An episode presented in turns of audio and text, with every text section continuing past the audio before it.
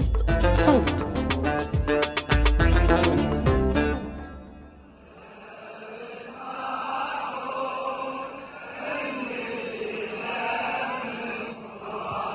شمعة شمعة شبابي. هاي واحدة من اللطميات الشهيرة لدى الطائفة الشيعية في العراق. لكن في هذا التسجيل سياق اللطمية مختلف. ما عم برددوها في حسينية أو أثناء مسير إلى كربلاء وإنما في مظاهرة حاشدة ضمت مختلف أطياف الشعب العراقي. مظاهرة ضمن ثورة تشرين عام 2019 المتظاهرين أهدوا هاللطمية لروح شهداء الثورة يلي قضوا على أيدي النظام العراقي.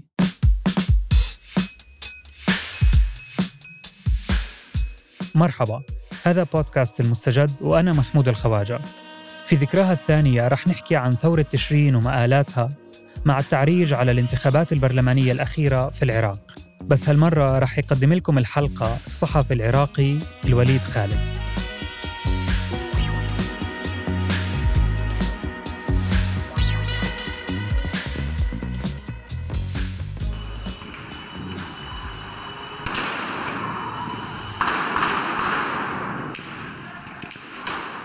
كانت مظاهرة عفوية بدون سابق إنذار وبدون تخطيط مسبق لأن ما وراها جهة سياسية ولا طائفة محددة ولا بتحشيد من حزب. احتجاجات واحد أكتوبر طلعت بهوية عراقية اختصرت كل مطالبها بجملة هائلة التكثيف هي نريد وطن.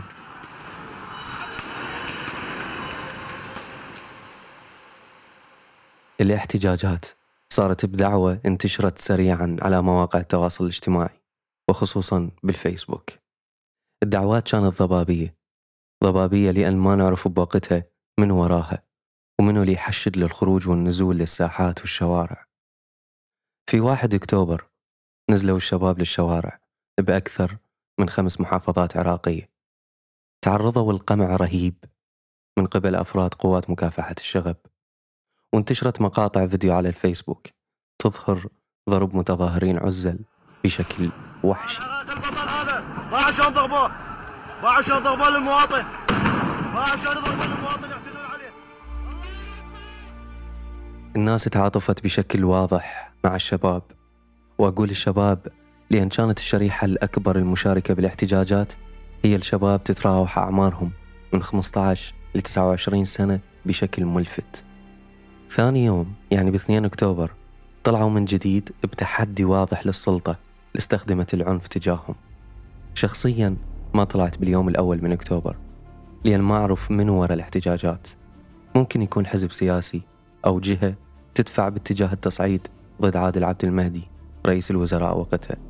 بس بيوم 1 أكتوبر الساعة 7 مساء تقريبا كنت راجع من حفلة زفاف صديقي. شفت ضابط بمكافحة الشغب ويا ثلاث أفراد أمن يضربون طفل لأن وزع المي على المحتجين بشكل مجاني دعما منه للشباب.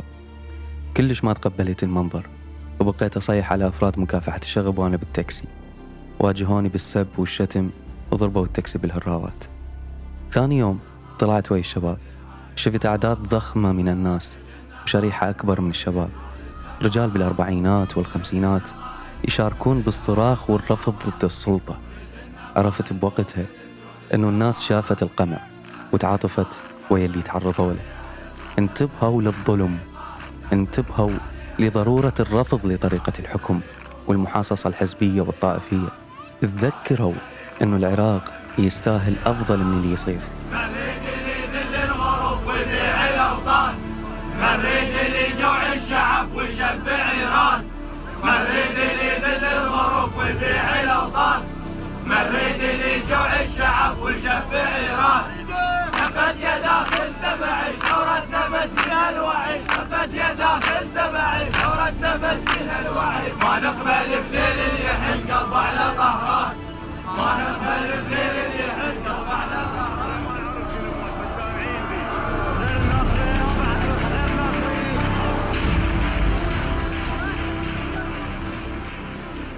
يوم 2 أكتوبر. وصل عدد الضحايا لخمس أشخاص و200 مصاب. يوم 3 أكتوبر وصل عدد الضحايا إلى 27 شخص. استمرت الاحتجاجات وبتصاعدية بأعداد المشاركين وللأسف تصاعدية بعدد الضحايا أيضا. الاحتجاجات كملت أسبوعها الأول ودخلت باليوم الثامن. بعدها توقفت لسبب اقتراب ذكرى زيارة الأربعين وهي مرور أربعين يوم على العاشر من محرم واللي يشهد استشهاد الإمام الحسين بواقعة الطف بكربلاء؟ لما تقترب هذه المناسبة تتوقف الحياة بشكل عام بمحافظات الجنوب والوسط بالعراق وتترك الناس منازلها وتتوجه لكربلاء.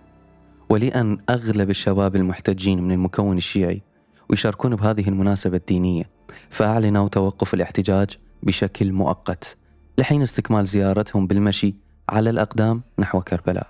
وتحولت مواكب العزاء بكربلاء من مواكب دينية بطقوس وشعارات تنقل واقعة الطف إلى مواكب دينية احتجاجية. تنقل واقعة الطف وتقارنها بالقمع الوقع بالأيام الأولى من الاحتجاجات. مواكب توضح للناس العوامل المشتركة بين ثورة الحسين ضد الظلم وثورة أكتوبر اللي طالب بالإصلاح. تأسيا من شبابها برسالة الحسين بن علي.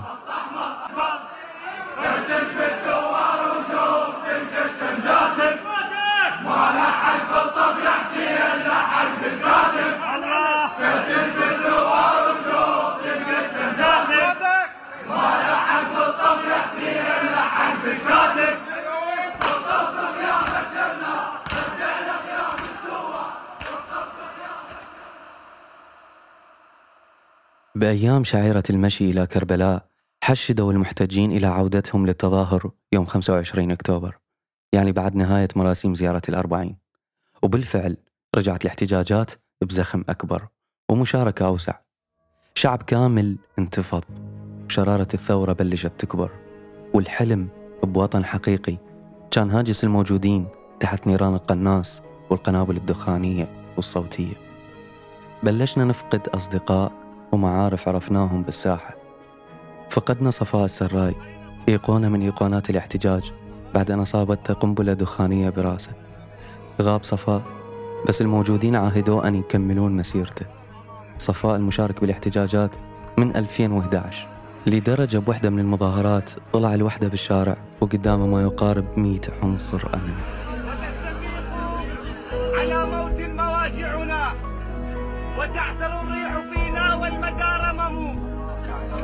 كل دار صدى موت ونائحة وفي الدروب يتامى بالدماء فطموا وفي الدوابين أوصالا مقطعة حتى توطن فينا البوم.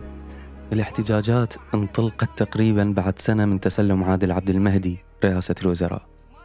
المحاصصة الطائفية بالعراق تعطي للمكون الشيعي رئاسة الوزراء والمكون السني رئاسة البرلمان. وللأكراد رئاسة الجمهورية.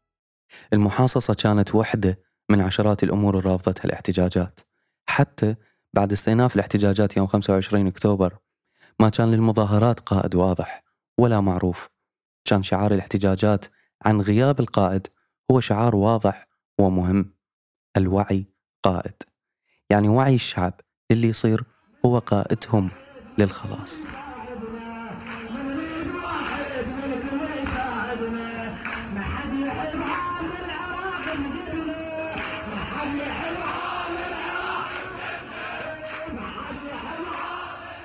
احتجاجات اكتوبر أو تشرين كانت مختلفة عن سابقاتها بهواي أمور، منها مثلا طرق الاحتجاج.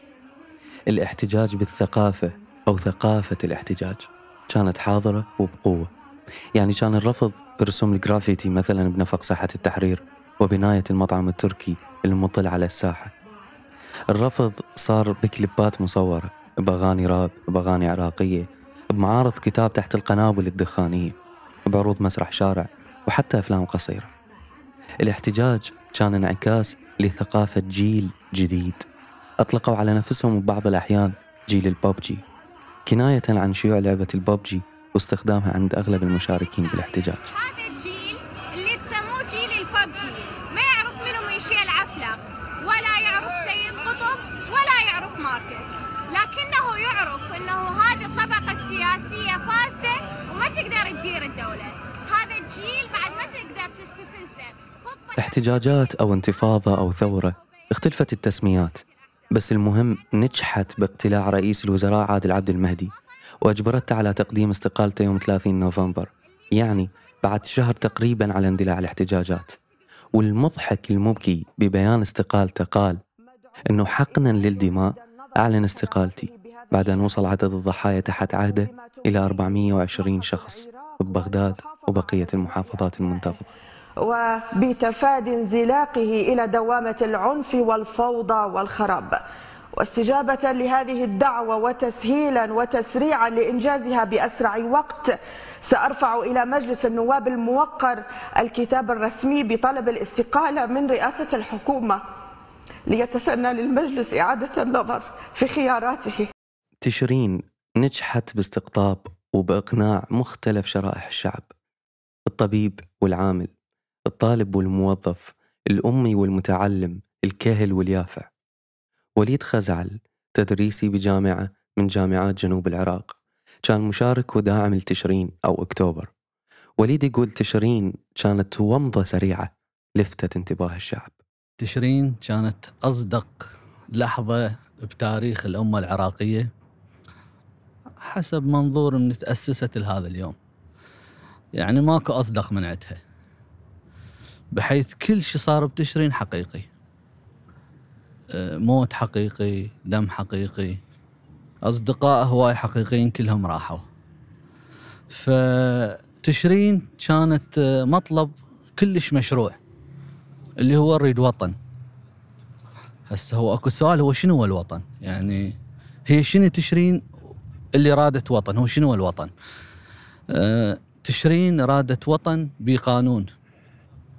اللي العراق من انخلق لهذا اليوم ما شافه. خب نسمع حمورابي والمسلة وكتبه وصار بس من عشنا وانولدنا هنا وكبرنا وعينا ما شفنا يوم قانون. فتشرين هذا رادته رادت تأسس بديل حقيقي للي جاي نعيشه اللي هو وطن قانون حرية مساواة بين الناس.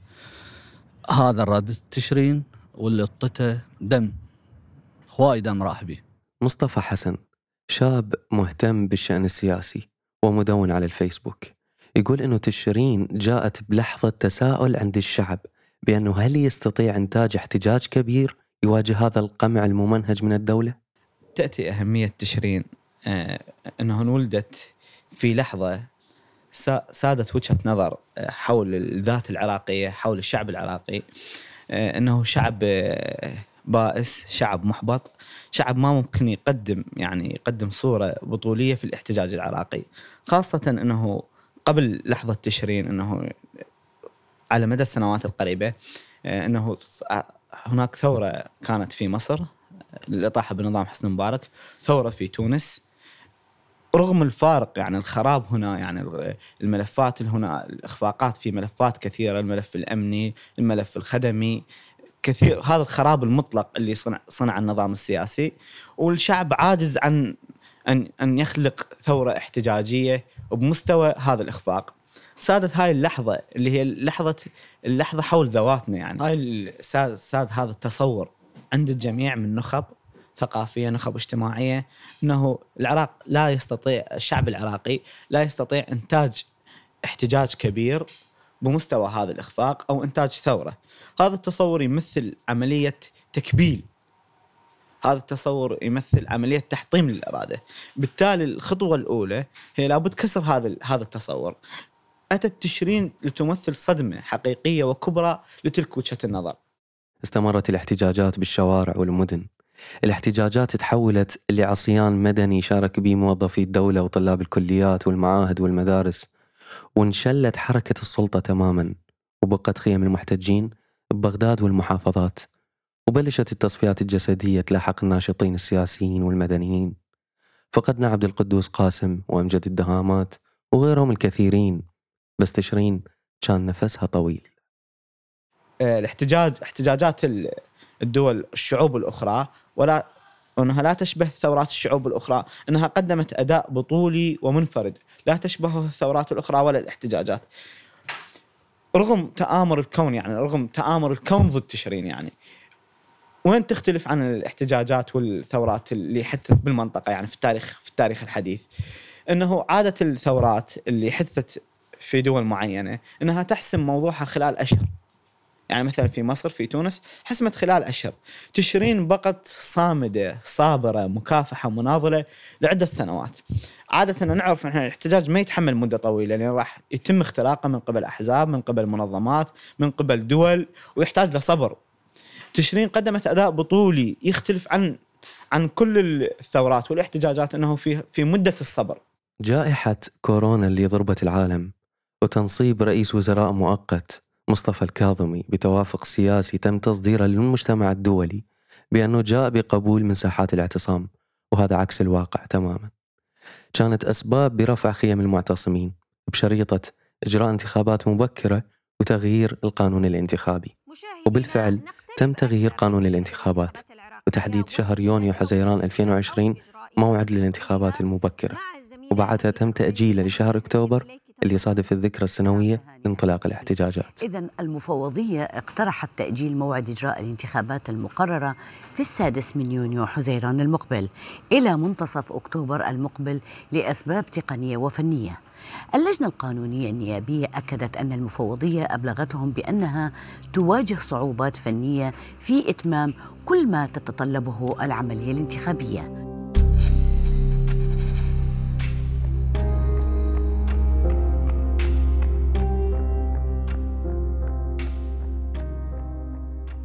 بعد أن نجح شباب تشرين بتغيير قانون الانتخابات وتحديدا موعد انتخابات مبكرة يقول أحمد شنيشل وهو شاب مشارك بالاحتجاجات وممثل مسرحي وتلفزيوني أنه بعد تشرين صار للشاب العراقي كلمة وموقف ورأي.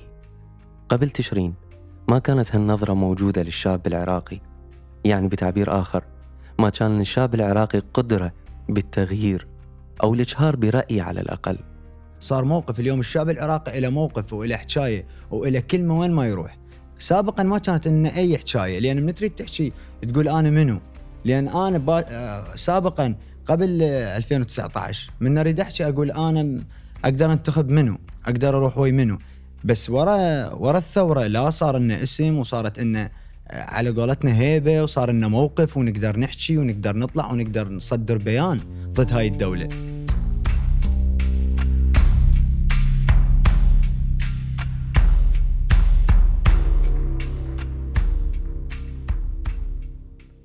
أحمد شنيشل شارك مؤخرا بمسلسل تلفزيوني على إحدى القنوات الفضائية اسمها ضربة زاوية. سألت أحمد حول إمكانية مغازلة القناة الفضائية لجمهور تشرين بإنتاج هل هكذا مسلسلات. لا سيما أنه أغلب القنوات الفضائية تابعة لجهات سياسية أو لرجال أعمال متصرفين بالمال السياسي. يعني إحنا نعرف القنوات سوت وليش تعاطفت وشنو أهداف التعاطف مالتها. هم لو صح كانوا متعاطفين حقا كان نزلوا للساحه ويا الشباب. لأن الشباب تسيل دمها وهو يطلع لي آه، أنا أتعاطف مع المتظاهرين وكذا وهيك أمور اللي هاي الأشياء البديهية اللي قالتها كل القنوات وإحنا ابدا ولا راح نحتاج هاي القنوات لأن إحنا ناس صادقين وإجينا بصدق ومن دوافع وطنية عراقية خالصة. ما بعد تشرين أفرز واقع جديد. صح واقع بخسارات هائلة من الأصدقاء والضحايا وقصص مأساوية. بس فرز صورة جديدة وطريقة تفكير جديدة. وعي الناس كانت تصدق بخطابات السياسيين الطائفية وتقتنع بالكلمات المنمقة. يوسف الجابري خريج من كلية الهندسة وعاطل عن العمل شارك باحتجاجات تشرين ويتفق على أنه تشرين غيرت طريقة تفكير المواطن البسيط بالرغم من ذكرياتها الأليمة. لا أكيد تغيروا. الناس البسطاء تغيروا والدليل مثلا اللقاءات التلفزيونية. وإحنا مو بعيدين عن هاي الناس يعني بالشارع بالقهوة بأي مكان تمام؟ أكو آراء مختلفة. إي أكو. هي واقع تشرين يعني واقع مرير أكثر من جمالها صراحة خسارة كبيرة. آه، أثر باقي بينا لحد هاي اللحظة مأساويتها وذكرياتها الأليمة. خسرنا هواي أصدقائنا وهذا أثر بداخلنا أثر كبير. خسرنا ناس ما يتعوضون أبد. وخسرنا أيضا ناس كانت معارضتها. يعني بينت لنا هواي حقائق. آه، الثورة صنفت الشخص الوطني وغير الوطني وبينت حقائق كثيرة. أما جمالها يعني جمال الثورة كانت أكو تجمعات آه، للأصدقاء تجمع ثقافي اجتماعي تعرفنا على ناس هواي لقيناها أشباه إلنا يعني من عامة الناس. قبل أيام تم إجراء الانتخابات المبكرة. اللي تزامنت مع الذكرى السنوية الثانية لاحتجاجات تشرين. لأنه تم تحريف طلب الانتخابات المبكرة مسبقا اللي كانت المفروض بعد سنة من إسقاط رئيس الوزراء وتم تغييرها إلى بعد سنة من تسلم رئيس الوزراء البديل. الانتخابات صارت بأمن انتخابي يتحفظ عليه الكثيرين. هواية من الأحزاب السياسية الناشئة ادعت انتمائها لتشرين سواء بالتسمية أو ببرنامجها الانتخابي. أما الأحزاب السياسية اللي يعرفها الشارع فعلا إلها علاقة بتشرين فهي البيت الوطني بقيادة حسين الغرابي واللي اختارت مقاطعة الانتخابات بغية التأسيس لنفسها واستقطاب حشود جماهيرية أكبر والمشاركة بقوة بالانتخابات القادمة. وحركة امتداد بقيادة علاء الركابي واللي شاركت بالانتخابات وحصلت على عشر مقاعد نيابية. مفوضية الانتخابات قالت أنه نسبة المشاركة وصلت 43% وهذا ما نفاه مراقبين. وحتى لو سلمنا أنه نسبة المشاركة بهذا الرقم فعلا فهي الأقل من 2003 لليوم. نتائج الانتخابات أعلنت معاقبة الأحزاب المألوفة من قبل المشاركين. وميول واضح لأغلب الناخبين باتجاه المرشحين المستقلين وصعود وجوه جديدة. سأل الضيفي وليد خزعل التدريسي بإحدى الجامعات العراقية عن قرار حزب البيت الوطني بالذهاب نحو المقاطعة. ومشاركة علاء الركابي بحركة امتداد. طبعا أكيد من البداية أنا مقاطع أنا ويا فكرة حسين الغرابي بس علاء الركابي إن شاء الله يتوفق. ولو عددهم قليل يعني ما راح يقدرون يجا يعني ما راح يقدرون يجارون مد الأحزاب وسلطتها ونفوذها بس إن شاء الله يقدرون يسوون شيء بس بالنتيجة آه، فكرة حسين الغرابي كانت أصح من فكرة علاء إنه دخول البرلمان وإن شاء الله الأربع سنين الجاية راح تقدم لنا شيء جديد وإن شاء الله نقدر نغير. أما مصطفى حسن يشوف إنه الانتخابات شهدت خروقات بسيطة وهذا يحدث حتى بأغلب البلدان الأكثر ديمقراطية. أما نتائج الانتخابات كانت غير متوقعة وصادمة. كل الانتخابات تحدث فيها خروقات لكن لا تؤثر بمجمل العملية الانتخابية. فمن ناحية نزاهة الانتخابات ومن ناحية أداء المفوضية والحكومة في إجراء الانتخابات كان جيد جدا. أما فيما يخص النتائج طبعا كانت النتائج غير متوقعة ونتائج صادمة وهذا يعني أن هناك تحولا كبيرا داخل المجتمع العراقي. مع العلم أن هناك نسبة مقاطعة كبيرة جدا تقارب ال 70% نسبة المقاطعة، مع هذا إذا تحدثنا عن نسبة المشاركة فهناك تحول كبير، التحول الكبير تمثل آه، في صعود نسبة كبيرة من المستقلين تقريبا ما يقارب 30 نائب مستقل، كذلك وصول آه، حركة امتداد إلى تسع مقاعد ما يقارب 40 مقعد مستقل يعني. مصطفى حسن يذهب باتجاه إنه يجب الا نلقي اللوم على المقاطعين لأن المشاركين وبرغم قلة عددهم اختاروا 30 نائب مستقل. بما فيهم أعضاء حركة امتداد يعني تشرين والأحزاب المنبثقة عنها رغم مقاطعتها أنتجت محصلة سياسية اختارت نواب غير تابعين لأحزاب سياسية معروفة آه، كذلك أيضا هناك قوة تقليدية كبيرة وراسخة آه، خسرت الانتخابات بطريقة صادمة جدا. هذا يعني أن هناك تحول كبير، ما عدا التيار الصدري كان حضوره هائل ومكتسح بسبب التنظيم العالي وبسبب يحظى بجمهور ثابت. وزعامة تختلف يعني ذات كاريزما معينة، ذات جذر تاريخي وإرث يعني تختلف عن الزعامات الأخرى. فنتائج التيار الصدري كانت إلى حد ما يعني منطقية جدا. يعني لو كان هناك تنظيم تنظيم لقوة تشرين أو للنواب المستقلين آه لكانت النتائج مختلفة. لكن هذا لا يعني أن نوجه اللوم على تشرين أو الأحزاب اللي تنبثق عن تشرين لأن تجربة جديدة حديثة عهد ووسط مخاوف الجمهور وعدم ثقته بالنظام السياسي وعدم ثقته بالانتخابات. فبالتالي لا نستطيع أن نحمل قوة تشرين مسؤولية عدم مشاركة انسحاب بعضها عدم عدم مشاركة بعضها مقاطعة البعض. لا يتحمل هذا النقد العالي باعتبار تجربة حديثة العهد. ممكن أن نتفائل عن المست- المستوى المستقبل القريب. تغييرات سياسية ممكن أن تحدث في هذا البلد. تجربة تختلف جذريا عن الانتخابات السابقة. ممكن أن نؤسس لعهد سياسي جديد. تبقى تشرين ودم الشباب اللي وصل عدد الضحايا ما يقارب 600 شخص منهم حتى بنات ونساء وحتى أطفال وأكثر من ألف جريح. العشرات منهم بإعاقة دائمة. تبقى امتنان هائل برقاب الشعب. الشعب اللي ممكن أن يكون عاقب فعلا الأحزاب التقليدية بهذه الانتخابات وممكن أن يكون رقيب على أداء الحكومة الجديدة. لو أكو أسباب شخصية ثانية. لا هو أغلى من الوطن ماكو. يعني هو أغلى من العراق ماكو. هو هذا اللي يخلينا قاعدين ونتنفس هواء ونتحمل مرورته وضيمه وموته وكل شيء بيه. هو إحنا نريد وطن بالأخير. بس شلون نريد الوطن؟ مو مثل ما يريدوا هم. هم هسه من تسمع انت تشوف الشعارات اللي موجودة كلها تصيح نريد وطن. بس الوطن اللي نريده إحنا يختلف عن اللي يريدونه الباقين مؤمن إن الثورة آه، ليست بسريعة وعاجلة. يعني تتأخر مو مشكلة. مثل الثورة الصينية اللي آه، 30 سنة تقريبا أو أكثر من 30 سنة. أجيال كاملة صاروا آه، صار تغيير والآن هي دولة الصين العظمى حسب آه، يعني وهاي تحسب للنتائج نتائج الثورة الصينية. وبالمناسبة ال- ال- الثورة لا زالت قائمة حسب رأيي يعني.